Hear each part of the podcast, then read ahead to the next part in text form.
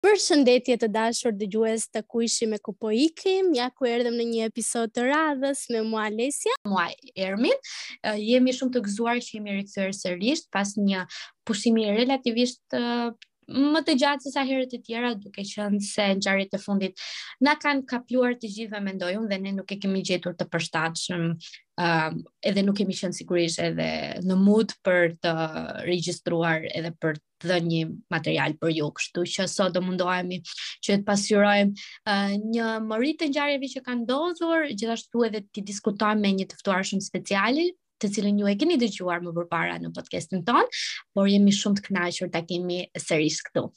Uh, por uh, përpara se të bëjmë me dije të ftuarën tonë, me të cilën vetë do diskutojmë sot, doja të të pyesja ty Alesia se uh, si ke kaluar këto ditë edhe si, si i ke përjetuar, si i ke përjetuar, sepse nuk mendoj që duhet ta themi se çfarë ka ndodhur realisht duke qenë se ë uh, jetojmë po e jetojmë vetë edhe pa qenë atje. Kështu mm -hmm. që po, na tregosh. Mund të them, mund të them që për mua ka qenë e vështirë dita e parë, domethënë, kur kam dëgjuar uh, ditën e parë që ka plasur kjo pjesa e luftës në midis Ukrajinës dhe Rusisë, ka qenë pak e vështirë në fakt, sepse po më dukej shumë, po përhapej lajmi aq shpejt në internet, në rrjetet sociale, saqë po më dukej realisht sikur po vinte edhe këtu. Më erdhi ndër mend uh, historia me me pandeminë, me koronavirusin që u përhap aq shpejt dhe kjo gjë më solli edhe këtë, domethënë këtë mendim. Të parë, pastaj unë jam munduar, nuk e di nëse më keni dëgjuar edhe herë të tjera, por përgjithësisht unë nuk dua të dukem tani e pa domethënë një person i cili është indiferent, por uh, mundohem që mos dëgjoj shumë lajme, sepse kam qejf që mos të, mos të, të më ndikojnë në këto si në këtë mudin tim po them, në gjendjen time sepse jam tepër emocional dhe realisht e përjetoj, domethënë, edhe mendoj që sa më shumë lajme të dëgjoj, aq më keq do ndihem, sigurisht se këto nuk janë as lajme të cilat sjellin gëzim, po janë lajme të cilat ndikojnë dashur padashur në në jetën tonë edhe në përditshmërinë. Kështu që po them që në herë herën e parë kur e kam dëgjuar, ka qenë vërtet shumë kam pasur një kështu një një dridhje trupi realisht, m'u duk sikur po vinte dhe në Shqipëri, edhe m'u duk sikur realisht tash është fundi i botës, uh, porse tani më duket sikur, uh, sikur realisht jemi bërë kompakt edhe e kemi, e kemi kuptuar pak a shumë se uh, kjo po ndodh po edhe nuk kemi ne në dorë për ta ndryshuar një gjë, kështu që jam mësuar. Tani edhe tha, thjesht jam munduar mos të dëgjoj shumë shumë informacione e lajme sepse ë uh, lajmet dhe informacionet po shpërndahen aq shpejt nga rrjetet sociale sa që nuk e di, më duket shumë e çuditshme. Uh, por të njëjtën pyetje do kisha edhe për ty Ermi, kështu që na e trego dhe ti um, këndvështrimin tënd, pikëpamjen tënde. Domethënë çdo gjë nisi me 24 shkurt shkurt me aq sa arrin të mbajë mend truri im, por që mbaj mend um, që u zgjova atë ditë dhe ishte dita që duhet shkoja në punë. Um, edhe direkt, domethënë, um, ajo çka unë bëj, shumicën e herëve, është që hap Instagramin, uh, domethënë, që të më hapen pak sytë, si me thënë, ndërkohë që e di që nuk është mirë. Dhe kur gjëja e parë që shikoj ishte një një foto me një mbishkrim në gjermanisht që Rusia sulmon Ukrainën. Dhe nga aty pastaj vetëm shfletoj, domethënë, tekstin që ishte poshtë fotografisë edhe lëviz për poshtë. Kur një, një, një dri, siç e the dhe vetë, një dridhje trupi që realisht nuk, nuk e di as, më mendoj që as me koronën nuk e kam ndjerë këtë gjë, Um, po ka qenë një ndjenjë që unë nuk mund t'i jap dot një uh, përshkrim, sepse ka qenë shumë kaq e fortë dhe kaq e shëmtuar sa uh, tani që po qëndroj këtu në dhomën time dhe e di që jam e sigurt dhe e di që po ashtu ka njerëz që janë ose uh, rrugës për për të ikur nga ajo luftë ose janë duke mbrojtur vendin e tyre, nuk e di akoma më, më rrëqethet uh, trupi dhe kjo kjo ka qenë pikënisja. Pastaj di që atë ditë nuk kam shkuar fare në punë, domethënë siç isha, ë uh, më kapi kjo nuk e di kjo ndjenja e frikës, siç e the edhe vetë që e di që nuk po ndodhte asgjë në Shqipëri, po edhe unë e di që nuk po ndodhte asgjë në Gjermani, po në fakt më dukej sikur realisht po ndodhte këtu. Domethënë ishte diçka e paparë të shikosh edhe të përjetosh live një luftë Um, kjo nuk ka ndodhur më përpara edhe është hera e parë për gjithë ne, kështu që um, më pas domethënë sigurisht uh, vazhdova dhe ndoqa lajmet gjithë ditën edhe pse më, m'u desh të punoja, domethënë një orë punoja, një orë uh, lexoja lajmet edhe um, edhe ndiqja se çfarë po ndodhte. Ndërkohë, ndryshe nga ty, unë jam shumë, shumë, pa dyshim që jam shumë sensibël, por unë kam diçka që nuk e frenoj dot veten uh, për të uh, për të mos parë lajmet ose nuk e di, nuk mundem dot, më shtyn kaq shumë kjo kureshtja edhe gjithashtu nevoja për të ditur se çfarë po ndodh edhe si po avancojnë ngjarjet, saqë më duhet patjetër t'i shikoj lajmet. Um, se di, ka qënë uh, realisht siç e kanë përshkruar edhe media, edhe gazetarët, ka qënë një ditë e zezë për gjithë, uh, jo vetëm mm -hmm. Europën, do thoja unë, po për gjithë botën, duke, uh, duke marrë me mend se çfarë po ndodhte, edhe ne akoma jemi në në këtë proces, kështu që nuk e dim se si do jetë përfundimi, po realisht po shpresojmë për më të mirën, se më duket sikur um, është një kështu një një si tip mang, thjesht sado që tani jam mësuar, po di them që java e parë realisht ka qenë shumë shumë shumë shumë shumë e rëndë për mua. Edhe aty domethënë um, përveç lajmeve që po shikoj se çfarë po ndodhte në Ukrainë, um, fillova pastaj të hyja në përthe, me tema të tjera, të shikoja historinë, um, shikoja edhe emisione që po bëheshin në Shqipëri që po shpjegonin situatën më mirë ose emisione që po bëheshin këtu, domethënë, koka ime u bëm u mbush me një mori lajme, mm -hmm. informacion, sepse edhe nuk e di, domethënë, e kam ndjerë veten kaq injorante, edhe realisht dua ta pranoj, se në, domethënë, të dish historin është a a ja a ja realisht a ja edhe nëse ka një gjë që na e kanë treguar këto kohë, është fakti që sa pak ne dimë se çfarë ndodh nëpër botë. Domethënë, këto na janë treguar vazhdimisht se nuk është lufta e parë ëm um, që shohim me sy ndoshta lufta e parë në në këtë lloj përmasa, ashtu se nuk kemi parë kurr të paktën live artileri me me armë dhe ushtarë që shkojnë praktikisht të, të pushtojnë një vend tjetër, por kemi parë luftëra civile nëpër um, shtete të tjera, gjë që kanë qënë edhe ato shumë shumë të rënda, po kjo si thuash ishte mu në zemër të Europës, ë, edhe kishim aq afër saqë s'e di, po mendoja që çfarë do ndodhë, se Ukraina dhe Gjermania nuk janë dhe kaq larg ose jo Ukraina me me me Shqipërinë, domethënë truri im shkoi në një trajektore kaq kaq të errët do thoja sa që nuk po mendoja më vetëm luftën e Rusisë me Ukrainën, por duke parë dhe zhvillimin e ngjarjeve mendova gjithë ne kundër Rusisë. Mm -hmm. Praktikisht, kështu që kjo ishte. Në fakt është shumë e vështirë realisht sepse është një gjë që ne nuk e kemi nuk e kemi ndier më përpara, është po. shumë e re, është një një ngjarje shumë e re, kupton luftat, sado që mund t'i kemi dëgjuar nëpër nëpër libra i kemi lexuar apo histori që ne kemi studiuar, po prapë se prapë është ndryshe kur ti e përjeton dhe e dëgjon në këtë mhm. moment që ti jeton. Po e di ça do pyesja unë në fakt edhe ça kurioziteti kisha sepse realisht unë më tepër informacionet i kam marrë nga njerëzit edhe sot do jetë dita që ndoshta do informojmë akoma më dhe më shumë se çfarë ka vazhduar me me këtë midis kësaj lufte. Po doja të dija në fakt, mendon që është bërë i është dhënë shumë zë kësaj gjëje pavarësisht faktit që nuk dua ta diskutoj që lufta nuk duhet të ndodhi pavarësisht kësaj, domethënë. A mendon që i jepet shumë zë kësaj lufte ose po i jepet shumë Ti po mendon në krahasim me me me me me, me luftrat e tjera ndoshta që po, po ndodhin nëpër botë, po ne po. Ëm mhm. shiko, e thashë dhe më përpara që ne nuk është se është hera e parë që shikojmë shtete që po hahen me njëri tjetrin apo njerëz që po hahen me njëri tjetrin, po nuk besoj, jo, nuk besoj që nuk po që po jepet më shumë vëmendje se sa duhet. Duhet patjetër, patjetër duhet të jepet kjo vëmendje sepse ë uh, deri tani kanë kaluar 1 milion persona që janë në janë në se po më vjen vetëm fjala në gjermanisht tani. Pa, që në, në, në migrim, në emigrim. Ah, okay, që kanë që janë larguar. Po. Mhm. Mm uh, nuk mendoj që po i jepet uh, vëmendje kot sepse numri i personave që po largohen tashmë nga vendi edhe po kërkojnë strehim nëpër shtetet e tjera i ka kaluar uh, shifrën e 1 milion ose 2 milionshit edhe priten që padyshim të jenë akoma dhe më shumë.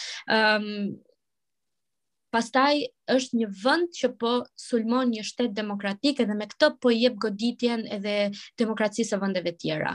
Ë uh, nëse po flasim për uh, presidentin e Rusisë, uh, Putin, Um, ai tashmë nuk i ka dhënë goditje vetëm Ukrainës, por me këtë gjë i ka shpallur luftë krejt botës, edhe prandaj mm -hmm. jemi përfshirë të gjithë bashkë, edhe um, prandaj po ndërmerren kaq shumë masa, do thoja ndoshta jo kaq të mjaftueshme sepse po dëgjojmë akoma që po vriten edhe po po vriten njerëz të pafajshëm, edhe kur flas për njerëz të pafajshëm, jo vetëm uh, ukrainasit që morën goditjen, por edhe ushtarët rusë që fundja nuk kanë patur një po. informacion për çfarë po e bëjnë dhe dy uh, i është dashur ta bëjnë këtë gjë sepse ndryshe um, duhet të sakrifikojnë jetën e tyre. Ajo është një kërkesë fundja.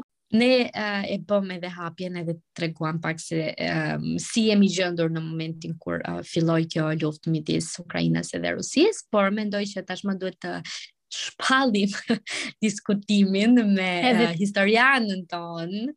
Përshëndetje Klea. Përshëndetje Vajza. Sërish.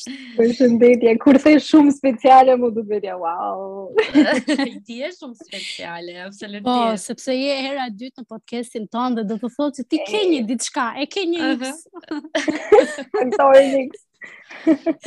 uh, përtej okay. shakave të shumta që ne bëjmë këtu, nuk duam të tregohemi kurrë të parespekt, sidomos edhe kur uh, kemi të bëjmë me, me tema shumë serioze, por ju e dini pak a shumë formatin e programit tonë. Okay, Klea, duke qenë se edhe ne um, pak më përpara treguam se si jemi gjendur ne teksa morëm vesh lajmin e fillimit të luftës së Rusisë me Ukrainën, të njëjtën gjë do donim uh, të ta pyesnim dhe ty, um, çfarë ke qenë duke bërë, si je ndjerë në këtë kohë? Nuk e di çfarë mund të na tregosh. Uh, domethënë uh, Ermi ne të dyja kemi jemi gjithë kohës, domethënë komunikim edhe ti e di këtë pjesë, po për shembull kur e mora vesh për uh, pushtimin në thonjëza, duhet ta themi mhm. Thonjëza sepse nuk është pushtim tamam i Rusisë ndaj Ukrainës. Ndaj Ukrainës uh, kam qenë me thënë të drejtën pak e zënë me pjesën e lëvizjes se kam lëvizur nga Graci në Vjenë. Edhe ka, nuk është se e kam pas kohën 100% aty për t'iu kushtuar, domethënë kësaj gjëje që po ndodh në botë. Edhe nuk është se e kam pas e kam marrë fillim shumë afër, me thënë me thënë të drejtën, domethënë shumë afër vetes se është shumë afër nesh edhe gjeografikisht. Mm -hmm. Domethënë me Austrinë na ndajnë thjesht dy dy kufinj. Edhe jemi në Ukrainë. po ta mendosh. Domethënë, kur e mendon kështu është shumë afër dhe si një historiane që e di historinë shumë mirë, edhe e di se e di që historia ka uh, maninë ose ka treguar ka treguar gjithmonë që do po. do përsëritet gjithmonë. Domethënë, mm. siç siç janë përsëritur pandemitë në mënyrë të njëpasnjëshme, domethënë, mbas 50 vitesh, 100 vitesh, e kështu ka ndodhur dhe me e, luftërat. Më fal se për momentin më vijnë tre gjuhë në në mendje, sidomos gjermanishtja, se çdo gjë që e kam përsëritur për historinë, ka problem, do të të ndihmoj më atë. Gjermanisht. Nuk ka problem. Më falni për këtë pjesë. a mendo ose të paktën duke qenë se ky nuk ishte një lajm i ri që ato uh, dy shtete ishin uh, në po, luftë në luftë të pashpa konflikt në konflikt por në konflikt, konflikt po pikërisht um, a e ke pritur që do të plaste kjo gjë një ditë me thënë të drejtën nga Putin edhe e kam pritur një konflikt më, më agresiv se ç'ka qënë më përpara. Edhe uh, ai ka qënë gjithmonë uh, uh, ai person që donte, domethënë në arsyen që të marrë atë uh, pakicë vendi, domethënë pakicë personash, pakicë uh, popullsie ruse që është në Ukrainë, Me këtë arsye ai donte të pushtonte më tej Ukrainën duke e bërë pjesë të pjesë të Rusisë patjetër. Sepse në mendjen e tij ka qenë gjithmonë Rusia e Madhe. Rusia e Madhe që ka qenë para uh, në Sovjet në kohën e Sovjet Unionit. Mhm. Bashkimi Sovjetik, po. Bashkimi Sovjetik, bravo. Uh, domethënë, siç po thoja, për këtë pjesën që uh, Putini ka dashur gjithmonë të ketë uh, Bashkimin Sovjetik akoma dhe në, në kohët moderne. Edhe mm. këtë frikë kam pasur gjithmonë që mund të ndodhi diçka e tillë, sidomos mbas pandemisë, se në vitet për shembull ëm um, uh, tek nuk e di nëse e dini gripi spanjoll. Po. Edhe ai ka ndodhur që të s'gaboj ose para pas luftës më duket pas, pas luftës së dytë po pas luftës së dytë po jo jo ka ndodhur në luftën e parë 1918 ose para ose pas diçka të tillë ok domethënë ndërmjet luftërave po, por që, po. edhe gjithmonë është kjo pjesa që ka luftë ka pandemi, mund të ketë prap luftra, ndërkohë që ne kemi qenë gjithë kohës në luftë në luftra, po nuk kanë qenë në Europë edhe për këtë arsye dhe si kemi nuk i kemi ndjekur kaq shumë, po ka akoma luftra në Siri, për shembull që nuk flet askush dhe për këtë unë edhe mërzitem ndonjëherë sepse ëm um, në Somali në qoftë se s'gaboj, edhe në vënde të tjera, në Jemen, në Jemen e vërtetë, domethënë janë luftra që janë që po ndodhin dhe po, shka, po, po shkatërrohen qytetet, po shkatërrohen shtetet. Dhe kanë me vërtet shumë kohë dhe asnjë nuk nuk po nuk po sheh. Kushton vëmendje po. pak pak para pak disa muaj më parë, domethënë. Dhe mm. asnjëri nuk nuk e sheh aq afër sepse Ukraina po ndodh kjo lufta me Ukrainën po ndodh shumë pranë nesh, domethënë është në Europë edhe prandaj ne e ndjejmë më shumë. Edhe ndoshta ndihemi të rrezikuar deri diku. Po. Po. po. Duke qenë se Alesia në fakt na e bëri uh, ma bëri mua pyetjen, po tani po ta drejtoj unë ty. Uh, a mendon ti që po i kushtohet ndoshta më shumë rëndësi se ç'duhet uh, luftës uh, së Ukrainës edhe të Rusisë në krahasim me shtetet e tjera dhe pse Ë, uh, patjetër që po. E para po të shohësh, po të shohësh vetëm ëm um, lajmet që shohim nëpër rrjetet sociale, në televizor, gjithë kohës janë lajme për sidomos këtu në Europë, po flas për ne. Mm -hmm. uh, janë lajme që kanë të bëjnë me Ukrainën dhe me Rusinë. Domethënë ka vetëm këto dy shtete për momentin dhe është vetëm kjo ndodhi kjo ngjarje.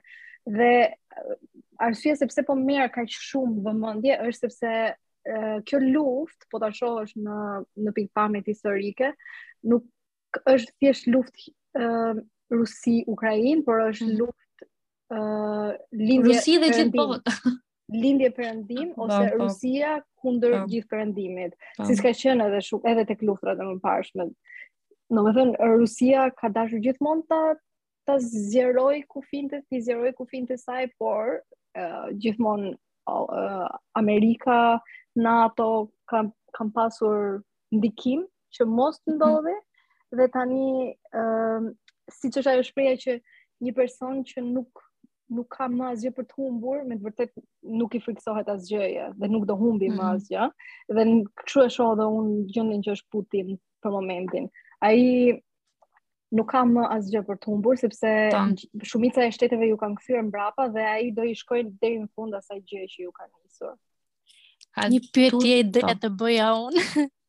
Atëherë, uh, pyetja ime do të lidhej me faktin që a mendoni ju goca si ose si mendoni që po qëndron Ukraina në këtë luftë, domethënë si e shikoni qëndrimin e e Ukrainës kundrejt kësaj lufte? mendimin uh, tuaj. Po e nis unë meqë meqë fola e fundit. Ë uh, unë e shoh Ukrainën më të drejtën, po më vjen shumë keq se ka shumë pak uh, ndihmë ndihmë me të vërtetë nga ana armëve ose ndihmë të vërtetë, dhe jo vetëm ndihmë me fjalë. Edhe shumë shtete kanë qenë të gatshme domethënë me nëpërmjet fjalëve që do e ndihmojnë United Nations e Amerika që thotë ne do bëjmë çdo gjë por shtetet e Evropës Perëndimore patjetër nuk po bëjnë asgjë konkretisht, po. domethënë me armë ose me ndihmuar me tanke, nuk e di çfarë iu duhen atyre. Edhe domethënë Ukraina s'po s'po s'po heq dorë sepse ka një president shumë të fortë, domethënë mm -hmm. është një njeri Zelenski është një njeri stoik edhe realisht e ka shkruar nuk e di a do nuk e di a do e kishte marrë historia emrin e tij në këtë lloj forme nëse nuk do kishte ndodhur kjo luftë por ai ka treguar një ka treguar një veçori të paparë si një udhëheqës i duhur i një shteti, mendoj. Unë ka qenë uh, shembulli më i mirë edhe për të gjithë udhëheqësit e tjerë, një njeri që qëndron në në krye të vendit edhe nuk lëviz nga aty pa e mbrojtur uh, shtetin e tij edhe fundja shtëpinë e tij edhe shtëpinë e miliona ukrainasve. Ëm um, Shumë okay, vetë, po. në qoftë se është një person që duhet të friksohet më shumë, është pikërisht ai dhe familja e tij, dhe i ma po. dje ka thënë edhe edhe që është shënjestra kryesore. Bravo, që është shënjestra kryesore. Edhe në qoftë se ky person nuk i trembet kësaj, dhe në qoftë se ai mm -hmm. qëndron aty, i bie që ky ky shtet po lufton për mos me u copëtuar. Mhm. Edhe mm -hmm. kjo është me të vërtetë shumë e mirë sepse nëse do ikte ai, nuk do kishte më Ukrainë dhe Ukraina do ishte e, direkt pjesë e Rusisë. ai nuk është se po jep mendoj unë kurajo vetëm shtetasve të tij, por po na jep kurajo të gjithë neve me me të gjitha fjalimet e tij edhe me me qëndrimin që ka treguar deri tani edhe uh, duke parë se si ka reaguar uh, Ukraina realisht nuk e kam pritur, nuk e kam pritur që do luftonin kaq gjatë, mm -hmm. edhe mhm. mendoj që edhe pjesa tjetër e botës nuk e ka pritur, nuk e ka pritur as vetë Putini që ndërmori um, këtë veprim për domethënë ai mendoj që e ka planifikuar sipas mendjes së tij që do ta kishte në dorë brenda 2-3 ditësh uh, maksimumi të gjithë të gjithë shtetin, por kjo nuk ka ndodhur edhe kjo si pasojë e e qëndrimit të fortë të ushtarëve, po edhe të vetë popullsisë është kurioze për t'u parë fakti që ato dalin me armë edhe uh, janë aty për të mbrojtur vendin e tyre, pa pa iu dridhur shpiku. Pavarësisht se mua, domethënë unë e shoh pak uh, jam pak skeptike te kjo pjesa që po dalin njerëz që nuk janë të ushtruar për të bërë atë gjë, mm -hmm. për të luftuar dhe nuk e di e kam pak frikë këtë që me siguri do kemi shumë humbje jetësh, e sigurt, sepse janë njerëz që me të vërtetë s'kanë përdorur ndonjëherë armë, madje edhe gra prej tyre janë shumë të rinj që nuk dinë se si uh, menaxhohet një luftë, ndërsa nga ana tjetër kemi një Rusi që është shumë e përgatitur. Uh, nga ana e, e, um, e ajrit, nga ana e tokës, domethënë janë shumë të përgatitur dhe kanë shumë mjete lufte. Po pse duhet e gjithë kjo? Për shembull, unë në fillim fare kur e kam marrë si kur e kam marrë lajmin e kësaj lufte që po ndodh, kam qenë, domethënë, në mendjen time më erdhi vetëm kjo si gjë. Për shembull, unë mendoj për që pse mos ia japim fundja këtë shtetin, pavarësisht se dua nuk dua të dukem sikur ok, pse ta lëmë vendin tonë, por përpara jetës së njeriut, domethënë ka gjë më të shenjtë sesa uh, një shtet apo kufijtë. Po ne jemi kalimtarë.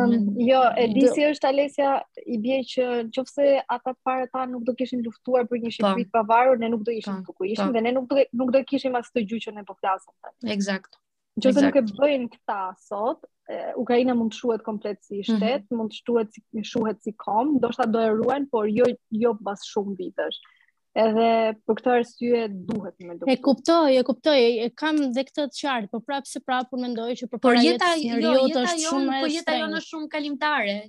Në mos nga kjo luftë do vdesësh nga diçka tjetër, ama kur vdes për një qëllim më të lartë, mendoj që ja vlen çdo çdo çdo sakrificë, çdo mund edhe jeta jote, se fundja do hidhni poshtë të gjithë dëshmorët e kombit që kanë rënë edhe kanë luftuar për për për ta çuar pavarësinë e Shqipërisë në në vend, si të thuash, edhe uh, mendoj që ato po bëjnë absolutisht zgjedhjen e duhur që përqendrojnë aty edhe po luftojnë, uh, duke prekur oh. faktin që ok, ndoshta nuk janë të përgatitur, Dakord, por ato nuk është se kanë edhe shumë ushtri, domethënë nuk kanë, mendoj, kaq shumë um, ushtarë, dhe sa kjo... rusët, kështu që domosdo, ato sado që kanë qenë një konflikt për një kohë shumë të gjatë, prap se prap nuk e kanë ditur që do arrinte kjo ditë edhe do do plaste si të thuash. Madje nuk duhet nuk duhet harruar që uh, uh, kjo luftë mes këtyre dy shteteve ka vite, domethënë ka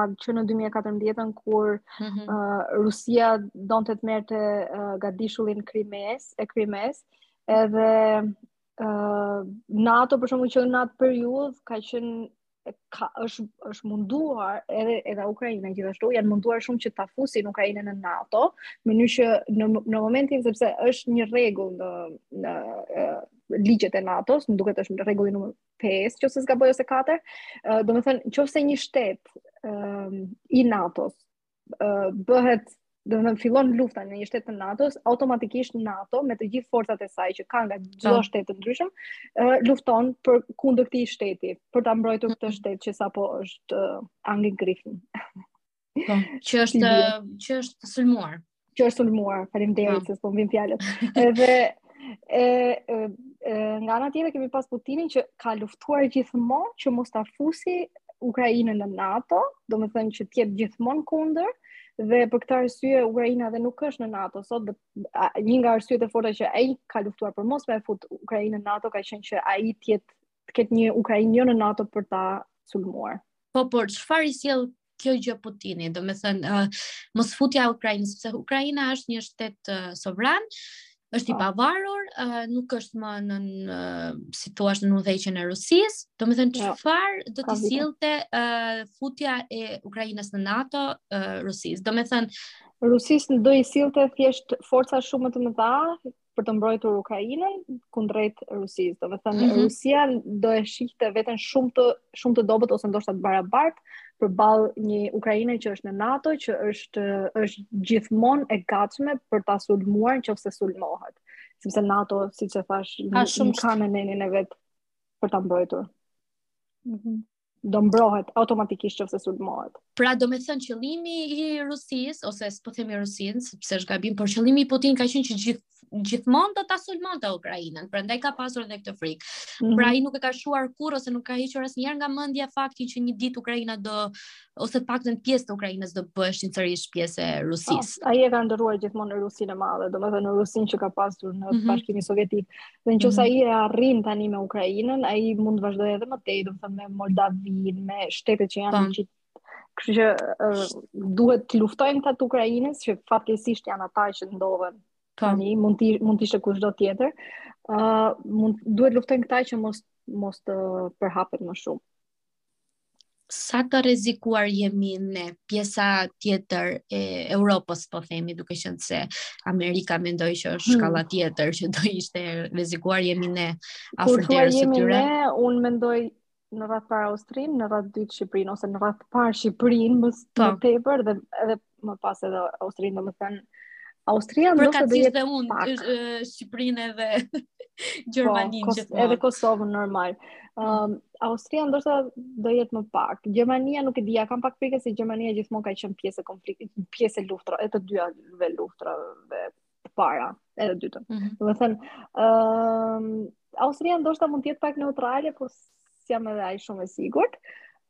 Por kur vjen puna tek pjesa e Kosovës dhe Shqipërisë, e kam pak atë frikën që uh, Serbia mund të bëjë të njëjtën gjë me Kosovën. Ndoshta mhm. me, me Shqipërinë jo, po Serbia me Kosovën po. Pavarësisht se tek sanksionet që i kanë vënë vendet e Europës, domethënë vendet e perëndimit uh, Putinit, Serbia ka, ka marrë anën e perëndimit. Domethënë i ka dalë kundër. Unë nuk mendoj që Serbia i ka e ka fuqinë për t'i mbajtur anën Rusisë edhe për t'i dalë uh, kundër perëndimit edhe Amerikës. Po. Por mund të them diçka që në qoftë se uh, kjo luftë përhapet shumë më shumë përtej Ukrainës edhe Rusisë, jam 100% e sigurt që Serbia mund mund të bëjë të njëjtën gjë, siç mund të ndodhë dhe me Kinën dhe Tajvanin për shembull. Mm -hmm. Domethënë janë këto shtete që janë të gatshëm për për të qenë për për të sulmuar këto shtete, këto minoritete që i kanë në shtetet fqinje. Un kam një pyetje tjetër goca. Mendoni ju që kjo është një një një gjë e qëllimshme? Domethënë, pasi mbaroi pandemia, duk sikur çdo gjë po normalizohej, sikur po na kthehej ajo jeta jonë e mëparshme, edhe madje shumë vende të huaja hapën kufijt pa rreg, pa pas një restriction, domethënë, mendoni ju që diçka po ndodh qëllimisht këtu? Ëm, me të drejtën, unë kam lexu para pak kohësh këto teoritë konspirative, nuk e di sa të vërteta janë, po prandaj po e them që janë thjesht teori konspirative dhe uh, mendohej dhe thuhej që janë të gjitha të planifikuara, siç ishte edhe pandemia, që quhej që u quajt më vonë edhe plandemi, domethënë e planifikuar. ë uh, domethënë edhe edhe kjo luftë e ka qëllimin që të shuaj popullsinë e botës sepse ë uh, do kemi do kemi shumë zhvillime më vonë që do paksohet fuqia punëtore, fuqia e krahut e njeriut dhe do zëvendësohet me robotët. Dhe këto njerëz që mbet mbesen mbetin pa punë, domethënë që mbeten pa punë, këta duhet disi të mbijetojnë dhe disa prej tyre edhe nuk do mbijetojnë, prandaj këto luftra do paksojnë popullsinë në mënyrë që të jenë më pak, të jenë të gatshëm. Duhet të eliminojnë, domethënë. Po është është thjesht teori konspirative dhe uroj të jetë thjesht teori konspirative dhe mos jetë e vërtetë. Unë në fakt e kam një dyshim në fakt se, se ky është mund të jetë gjithçka. Është plan deri në 2030-ën, diçka e tillë, domethënë që e kam lexuar. Unë në fakt e mendoj, sepse nuk me, mund të jetë kaq rastësi, e kupton, pas pandemisë ndodhi diçka tjetër kaq shpejt, domethënë fiks kur sapo u mbyll një derë u hap një tjetër, edhe mbi të gjitha nuk janë as dyer të të të mira janë komplet që po e çojnë botën ku di unë në një shkatërrim ose ndryshim tjetër. Fund, do të ketë ndryshim ndryshim rrënjësor, besoj unë pas kësaj, në qoftë se lufta... Çfarë mendon, po, çfarë mendon um, se do kemi për të parë për ndryshime, domethënë, do kemi ndryshime territoriale, um, do kemi ndryshime ekonomike, që besoj që do vijnë edhe... Mm -hmm, patjetër. Jemi pra të remë. Edhe po vihen, edhe po vihen re mbi të gjitha. Po, Të gjitha këto do jenë, të gjitha këto do jenë, edhe siç e tha dhe Alesia, po vihen re.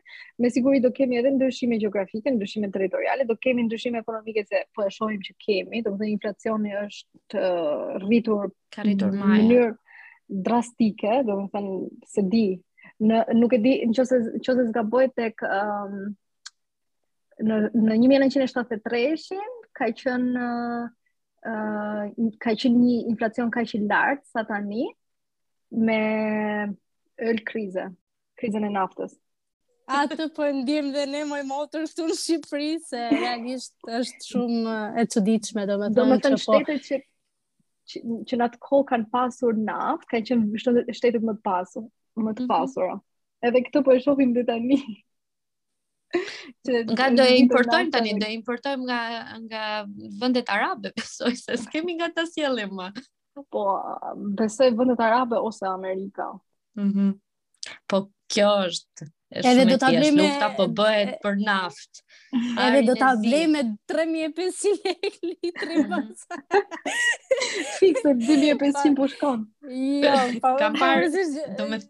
gjithçka e do na sjellë një kështu se mendoj që të gjithë njerëzit do i lënë makinat edhe do do sjellë të mira fundje do marrin biçikletë do mendojnë për po, mendimin duke sjell pak për shaka mjedisin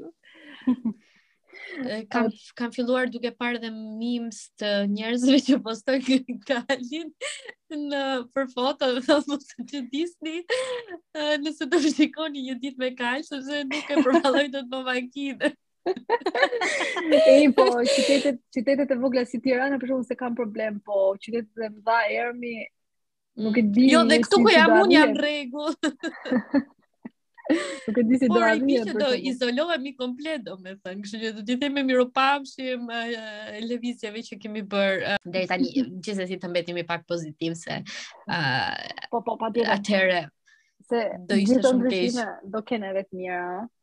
Se mhm. gjithmonë pas luftrave ka pas prosperitet, gjithmonë, gjithmonë. Mm -hmm. Domethënë, do kemi të mira, po gjëja e keqe është që ne ndoshta s'do ta s'do ta jetojmë me këtë rinin që po. kemi tani. Nuk e di si është ai prosperiteti. Po do vijë, po do vijë. Po pra, duhet të durosh. Po, po, pavarësisht çdo gjëje, ne realisht po i marrim shumë afër zemrës të gjitha, pavarësisht se na kanë ndikuar deri diku në një mënyrë të zhdrejtë, po prapseprap jemi shumë mirë, duhet t'i gëzohemi këtij fakti sepse realisht nuk e di se çfarë do kishte ndodhur nëse do ishim ne në atë gjendje, në gjendjen e mm. e shtetasve ukrainas. Kemi qenë dhe jo shumë larg. Po, dhe jo shumë larg. kemi qenë. E kuptoj, po është ndryshe se unë e thashë dhe në fillim Klea që është ndryshe ta dëgjosh dhe është po, ndryshe të jesh ti prezent në këtë luftë. Kështu që është shumë e vërtetë. Me këtë gjë jemi shumë me fat realisht, edhe shpresoj që sa më shpejt të mbyllet kjo gjëja edhe të qetësohen të gjitha të jemi në një paqe kështu. Mm -hmm. Uroj edhe. Këtë do këtë do thoja edhe unë sepse nëse për shembull ukrainasit pak a shumë e kanë ditur gjithmonë ti the Klea që edhe në 2014-ën um, sigurisht kanë patur po. uh, një luftë të tillë, edhe e di dhe vetë, por që uh, dua të them uh, nga një anë që ne nuk marrim informacionet e duhura më saktë uh, ose të paktën nuk kemi qenë të gjithë koshient mm -hmm. uh, që ekzistonte një luftë e tillë, ndoshta ka, kam qenë unë injorante, nuk e di. Jo, nuk. Uh, është si, si ta thashë edhe në fillim, është shumë larg por edhe afër nesh. Domethënë po. është është larg dhe nuk është se Ukraina ka luajtur ndonjë rol shumë të rëndësishëm në historinë e botës, por s'duhet të harrojmë faktin që unë mbasi uh, Rusia pushtoi Ukrainën, domethënë prap kam filluar të kërkoj për Ukrainën se sa e pasur ishte si shtet. Dhe mm -hmm. informacionet që kam po, marrë kanë qenë, po, unë kam qenë e shokuar që nuk e dija. Mund ta përmendësh disa sepse edhe unë edhe unë kam kërkuar dhe realisht është për të ardhur keq shikosh uh, si një vend kaq i pasur uh, më po të them nga ana e burimeve natyrore uh, të mos ketë një uh, perspektivë ekonomike. Po. Uh, vetëm një sekond, unë do t'i gjej, domethënë këtë informacion se po.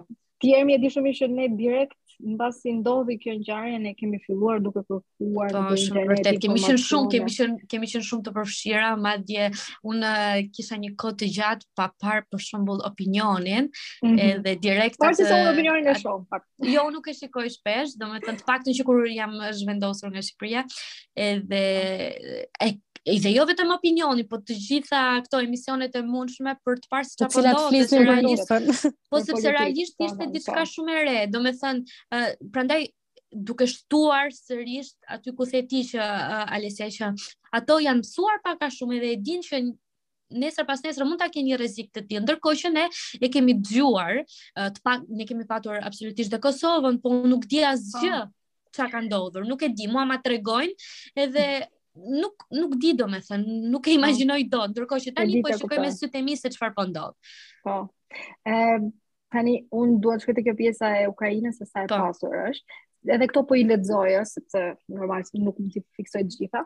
Për shembull, çfarë më bëri mua përshtypje është që Ukraina është një nga vendet më të mëdha në Europë për nga territori, domethënë 41 milion banorë dhe unë nuk e kam ditur që kishte kaq shumë banorë. Asun, asun, Sepse e shihja në hartë që nuk është shumë e madhe dhe thoja, ok, nuk, 41 po. milion it's a lot, kur e mendon. Mm -hmm. Pastaj, është i pari në Europë për rezervat e mineralit të uraniumit. Mm -hmm. I mhm. dyti në Europë dhe i dhjeti në botë për rezervat e xehes të titanit. Uh, I dyti në botë për rezervat e manganit, 2.3 miliard ton. Domethënë, 12% wow. e rezervave botërore janë vetëm në Ukrainë të manganit.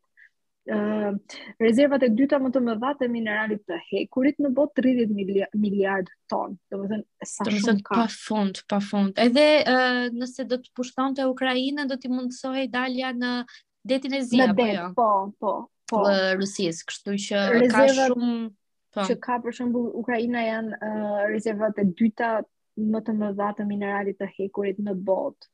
Apo e thashë këtë? Domethënë pa fund. Le le të themi që ka ka shumë burime natyrore sa uh, ka shumë arsye. Dhe meqë i përmenda këto, një nga arsyet se pse Rusia ose një nga si Putini, jo, Rusia, Putini do ta pushtojë këtë shtet është sepse është shumë i pasur, mm -hmm. uh, siç e përmendëm nga ana e mineraleve, dhe zakonisht këto shtete dhe këto qytete që janë kaq të pasura, janë gjithmonë potencial për për t'u sulmuar gjithë kohës. Edhe kjo është edhe në rastin e Kosovës. Ëm, uh, domethënë meqë lufta e Kosovës nuk është shumë e largët, thjesht 23 vite fiks, 23 vite në 1999-98 ka ndodhur dhe për shembull ta kam thënë edhe ty zona e Mitrovicës që është akoma në konflikt me Serbinë është një nga zonat që është shumë e pasur. Ka ar, e pasur me ar apo jo? E pasur me ar. Domethënë janë janë këto zona që janë shumë të pasura me minerale që janë të cilat lakmohen, lakmohen. Lakmohen e vërtetë. Sepse e fundja të gjithë për pushtet dhe për për para janë aty dhe luftojnë aty. Po. Duke qenë se na dole edhe tek lufta e Kosovës, edhe unë patjetër dua që ta prek edhe faktin që ti um, temën e diplomës ja ke kushtuar asaj mhm. lufte, mm -hmm. edhe përkatësisht do doja që të na flisje për këtë gjë, sepse më okay. duket një krenari shumë e madhe që një shqiptare që studion uh, në një uh, shtet europian, uh, edhe absolutisht ka sjellur edhe një, edhe një pjesë të historisë tonë. Po. Unë e kisha shumë të rëndësishme të them të drejtën në momentin që kam vendosur për të studiuar jashtë. E, e dija shumë mirë që doja të lija një gjurmë, edhe e dija shumë mirë që në qoftë se un gjurma e vetme që mund të lija si fillim ishte tema ime e diplomës, që më pas do jetë e aksesueshme për shumë uh, studentë të tjerë. Edhe me qëllim, domethënë qëllimisht e bëra edhe në gjuhën uh, uh, anglisht, mënyrë që shumë uh, studentë që janë edhe Erasmus, që nuk kuptojnë gjermanisht, jo domosdoshmërisht kuptojnë gjermanisht, ta lexojnë edhe për studentët shqiptarë që sigurisht është historia e tyre, të kenë edhe ata akses. Edhe, domethënë, e shkruajta në anglisht dhe kam shkruajtur për dhunën seksuale të grave në luftën e Kosovës. Kjo është një temë që unë e kam prekur shumë pak të them të drejtën në libra, sidomos këtu në Austri, por edhe në librat shqiptarë, domethënë është, është akoma një temë që është, është tabu, shumë pak njerëz flasin. Madje edhe këto gra që janë të prekura janë shumë të pakta që flasin për këtë për këtë temë dhe mënyra si flasin është me drojtje, domethënë i mhm. druhen mm -hmm. kësaj gjëje sepse kanë frikë nga uh, kanë frikë nga njerëzit, nga mentaliteti, nga paragjykimet nga gjithçka. Edhe kam bërë edhe krahasime me Srebrenicën, që është është një nga qytetet e Bosnjes, që mhm. është prekur në luftën e Kosovës dhe pikër më fal në luftën e Bosnjes, në luftën e Ballkanit ose në luftën e Jugosllavisë, e cila Gjithashtu gratë e Bosnjës në Srebrenicë janë janë përdhunuar në mënyrë shumë më të madhe se gratë e e Kosovës. Domethënë në qoftë se numri i grave të Kosovës është rreth 10000 deri në 20000 gra që janë përdhunuar, në Bosnjë janë mbi 50000 Domethënë numri është nuk nuk është nuk është official, kupton? Po janë domethënë sipas burimeve të besueshme që është rreth kësaj, sepse nuk mund të thuhet një numër ë uh, fiks, sepse shumë gra nuk e tregojnë. Kupton? E, shumë gra edhe kanë bërë suicide, kanë vrarë veten, mm -hmm. vetëvrasja mm -hmm. për këtë arsye. Edhe këto gra që kam marrë unë, domethënë këto këto vajza dhe gra që kam marrë unë ë uh, për t'i uh, si si thuhet për të intervistuar ose për të jo për të intervistuar jo për të për të marrë uh, dëshmitë e tyre po ë uh, uh, e kanë dëshmuar çdo gjë dhe uh, dëshmia e tyre që është bërë në oral history që është me gojë është shkruar në një libër nga një NGO nga një uh, non-profit Or, po pra organizatë jo fitim organizatë jo fitim jofitimprurëse edhe domethënë këtë libër unë e ka domethënë është edhe online by the way mm -hmm. mund ta lexojë çdokush po historitë janë aq të dhimbshme saqë nuk e di në fillim unë e kisha pak vështirë ta lexoja E po. para se edhe edhe këto duke qenë femër vetë sigurisht po, mirë edhe këto histori që tregonin këto ishin shumë shumë të dhimbshme edhe njëra nga ato për shembull që më ka bërë shumë përshtypje ishte uh, në kohën në kohën e luftës koha e luftës së Bosnjës ka ndodhur në 95, ndërsa e Kosovës në 98-99, siç e thashë.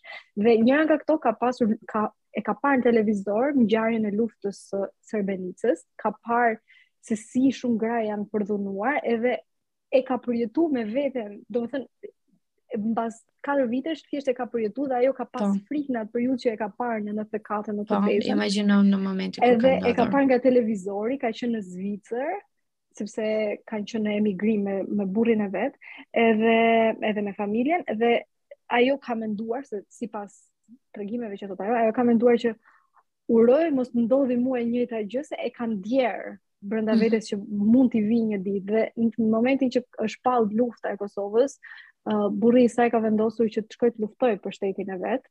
edhe për kombin, edhe është kthyer bashkë me këtë dhe ka ndodhur, domethënë, përdhunimi i grave. Edhe mm. shumica e këtyre njerëzve, domethënë, jo njerëzve, burrave që përdhunonin gratë, kanë qenë serbë, Uh, po ka pas edhe ka pas edhe etni të tjera, po shumica kanë qenë serbë. Domethënë 98% mund të them. Mund të ketë pas ndoshta ndonjë um, kroat ose s'e di, po që e ndjente veten serb, kupton?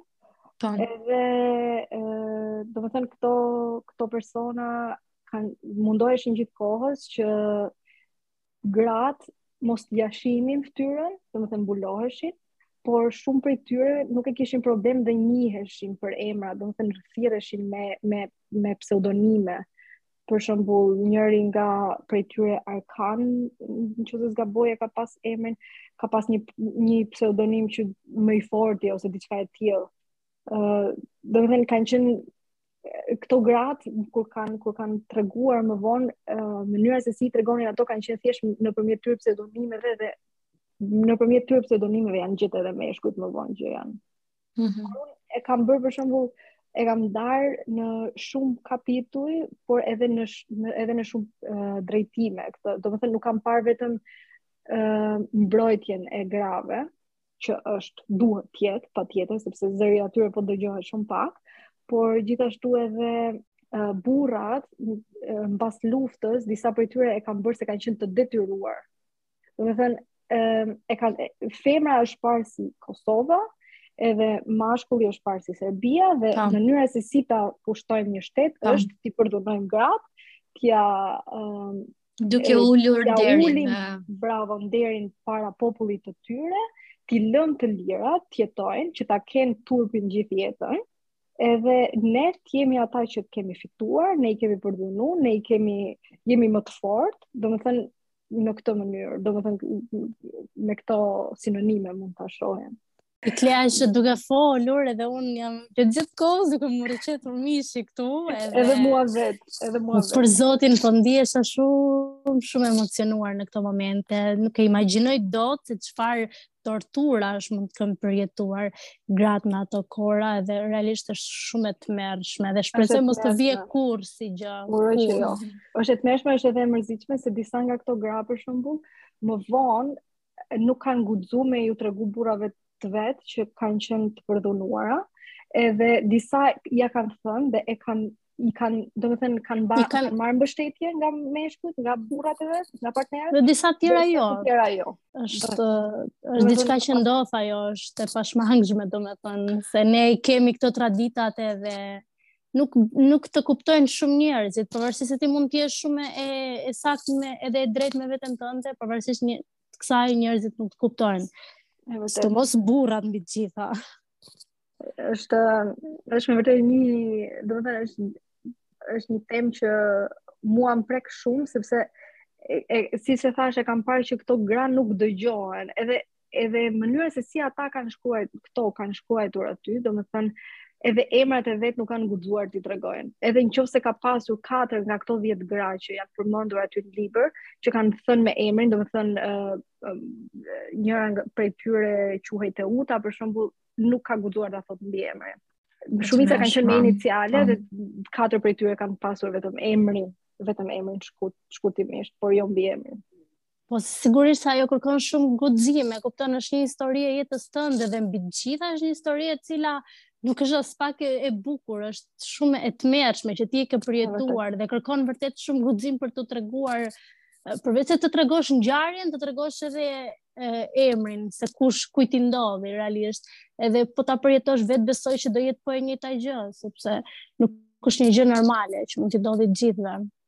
Kleon do të sugjeroja që ta vendosi online tezën tënde, edhe pse jo ta bësh të aksesueshme edhe për neve, po për të gjithë ata që po na dëgjojnë, edhe Uh, pse jo të marrim edhe ne e, më e pakta që ne mund të bëjmë është t'u dëgjojmë uh, historitë edhe çka kanë për të thënë mm -hmm. mendoj unë në shenjë respekti sado që mund të jenë tepër të dhimbshme por um, është realisht që më e pakta që ne mund të bëjmë është më vërtet. Dhe fatkeqësisht janë, po, dhe fatkeqësisht unë jam shumë krenare që ti realisht ke prekur ndoshta gjinin që ë uh, nuk i jepet shumë vëmendje sepse këto nuk janë pasojat vetëm të luftës së Kosovës, por mendoj të çdo lufte, edhe nuk u jepet fare zë, thjesht preken um, domethënë humbja e njerëzve, humbja jetës e njerëzve, po, humbjet ekonomike, shumë e shumë gjëra tjera, po në të vërtetë ku mbeti vlera njerëzore edhe uh, gjendja shpirtërore që ndodh mbas ah, mbas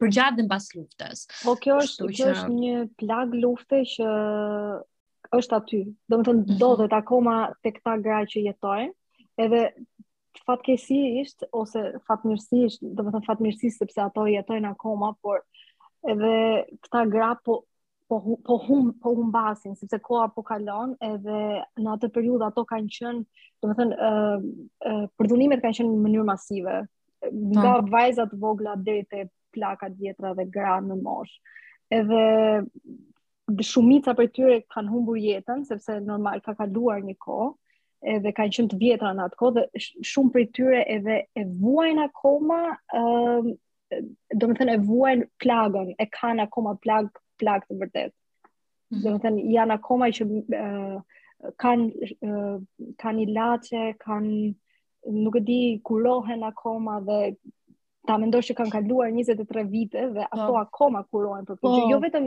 mentalisht, por edhe në aspekte të tjera, fizikisht, domethënë. E tmerrshme, e shumë e tmerrshme. Edhe shumë e për shembull, kjo është e fundit, se nuk dua ta heq pak të të trishtimin. Ëm uh, shumë prej tyre kanë thënë për shembull që do donim shumë që na kishin vrarë në atë moment sesa të na përdhunonin, sepse është është më e thjeshtë dhe më e lehtë të vdesësh, sepse nuk merr as asnjë plagë dhe nuk merr asnjë dhimbje me vete që duhet ta ta përjetosh më mbrapa dhe ta jetosh gjithë kohës, sesa të përdhunohesh dhe t'i kesh të, të vritesh për së gjalli, për së po. gjallin, fare. Do thoja përveç përdhunimit, por edhe fakti kur të takon të shikosh që prindi jot po shkon në luftë edhe ty ndoshta nuk të takon më ta shikosh kurrë ose të vritet nëna, të vritet fëmija përpara syve, domethënë nuk e di, uh, realisht pastaj është, është mirë ta pyesësh veten a, a ndoshta do isha më mirë e vdekur sesa t'i shikoja të gjitha këto ndodhi e jo më të jetosh pastaj për për kaq vite me me këtë plagë brenda vetes edhe mos shërohesh dot kurrë. Se mendoj që kjo vjen pastaj edhe nga fakti nga shumë fakte, por ndër to edhe turpi që ne kemi, edhe që këto gjëra ngelin ngelin tek personat që janë prekur sepse nuk ka më rol as psikologu as as askush tjetër. Më kupton sepse po të kishte qenë në një po, po jo, edhe mund të punosh me to, por ne nuk e kemi patur kurrë në kulturë, më kupton? Mhm. Edhe mm -hmm. shpresoj që kjo do vijë me kalimin e kohës. Unë do doja të bëja ndoshta pyetjen e fundit, ndonjë që uh, historia nuk është vetëm për të dëshmuar atë çka ka ndodhur, por shërben edhe edhe për të ndryshuar ndoshta rrjedhën e, e e të të ardhmes, e ngjarjeve në të ardhmen. Besoj se po, pse jo.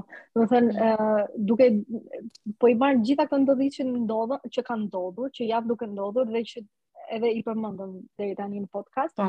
Domethënë, ë për ta shmangur një Rusi të madhe, duhet të luftojmë.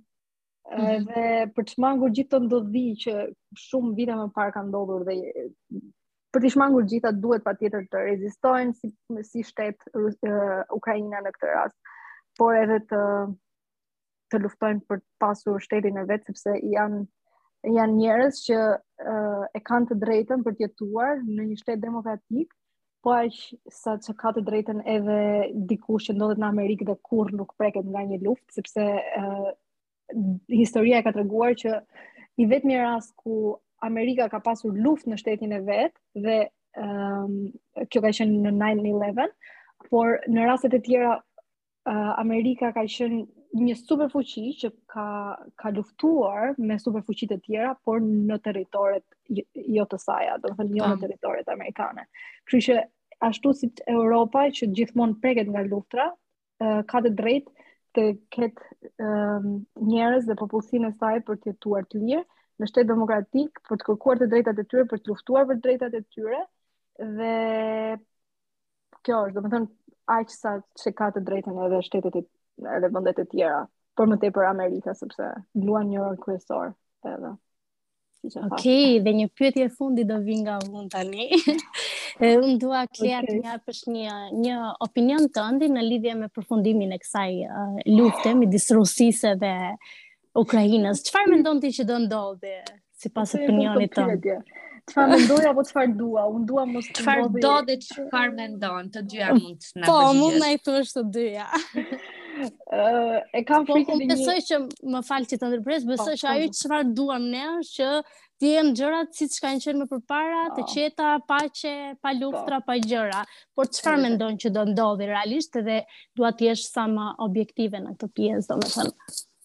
Me thënë të drejtën nuk është se e kam menduar çfarë duhet të ndodhë, çfarë duhet të ndodhi ose çfarë do ndodhi, sepse e kam pas edhe frikën të mendoj, me thënë të drejtën. Ë do themi që mund ja kam frikën se mund të ndodhi diçka. Besoj se Europa Shiko se, po më duket sikur po filloj prap një, një diskutim, ndërkohë që ne jemi në fund diskutimit. Uh, besoj se në qoftë se Europa uh, uh, preket, sulmohet, NATO do jetë aty, dhe për këtë arsye lufta do do ndaloj kategorikisht në qoftë se një shtet i Europës që është në NATO sulmohet. Do preket, po. Do preket. Ndërsa për Ukrainën kam frikë që mund të eskalojë, nuk e di se sa mund se çfarë është capable, se sa është se sa mund të bëjë Putini. Po. Ja kam frikën atij personi sepse ai me të vërtet nuk ka më asgjë për të humbur. Ai çdo gjë, çdo çdokush i ka kthyer brapa, kështu që ë uh, një eskalim e ka marr përsipër rrezikun. ai e ka marrë çdo gjë, po. përsipër edhe ai e ka kalkuluar çdo gjë. Ndoshta po, disa nuk e kanë këtë mendoj. Nuk i ka dalur ashtu siç donte, por ai derisa të shkojë në në Kiev, domethënë në kryeqytet që të marrë edhe kryeqytetin, nuk do ndaloj besoj. Uroj mos ndodhi. Edhe uroj mos të përhapet. Këtë gjë urojmë edhe ne dhe urojmë që dikush të dalë edhe ta ndalojë atë njeri të çmendur edhe t'i japë fund këtij makthi që na ka kapluar të gjithëve. Do doja shumë të jepja forcë edhe... Zelenskit në këtë kohë. Edhe unë, edhe unë, edhe unë për gjithmonë. Ja, Zelenski do jetë do jetë aty edhe ka gjithë mbështetjen maksimale tonën të të shteteve që i kanë dalë uh, afër um, Ukrainës edhe në krahë sepse nuk kanë qenë të paktë realisht është një punë kolosale që kanë bërë edhe kompani domethënë duke marrë përsipër rreziqe shumë të mëdha dhe duke ndaluar të gjitha aktivitetet e tyre uh, në Rusi, Rusi, po, për t'i dalur në krah Ukrainës domethënë kjo ka patur um, kjo luftë ka patur pa dyshim shumë shumë rrjedhoja për të cilat ne do na duhej të flisnim shumë gjatë, por mendoj që ka ardhur edhe fundi i episodit të sotëm. Unë të falenderoj jashtëzakonisht Klea. Edhe unë ja. Një një një e ftuar shumë shumë speciale për ne edhe gjithmonë me mendime të duhura edhe absolutisht sot dhe me ekspertizën tënde dhe do të thoja që e ke dhënë në mënyrën më perfekte më perfekte të mundshme. Faleminderit, jam munduar dhe unë kërkoj shumë falje për uh, për mos Ah, s'ka gjë, s'ka gjë, ka, ka shkuar, ka shkuar gjithçka shumë mirë. Thank you. Mm. Faleminderit shumë goca jeni shumë të mira. Shumë faleminderit ty Klea që ishe pjesë e këtij podcasti. Faleminderit të gjithë dëgjuesit tanë. Edhe ju ftojmë të na ndiqni në një episod të radhës. Shumë faleminderit.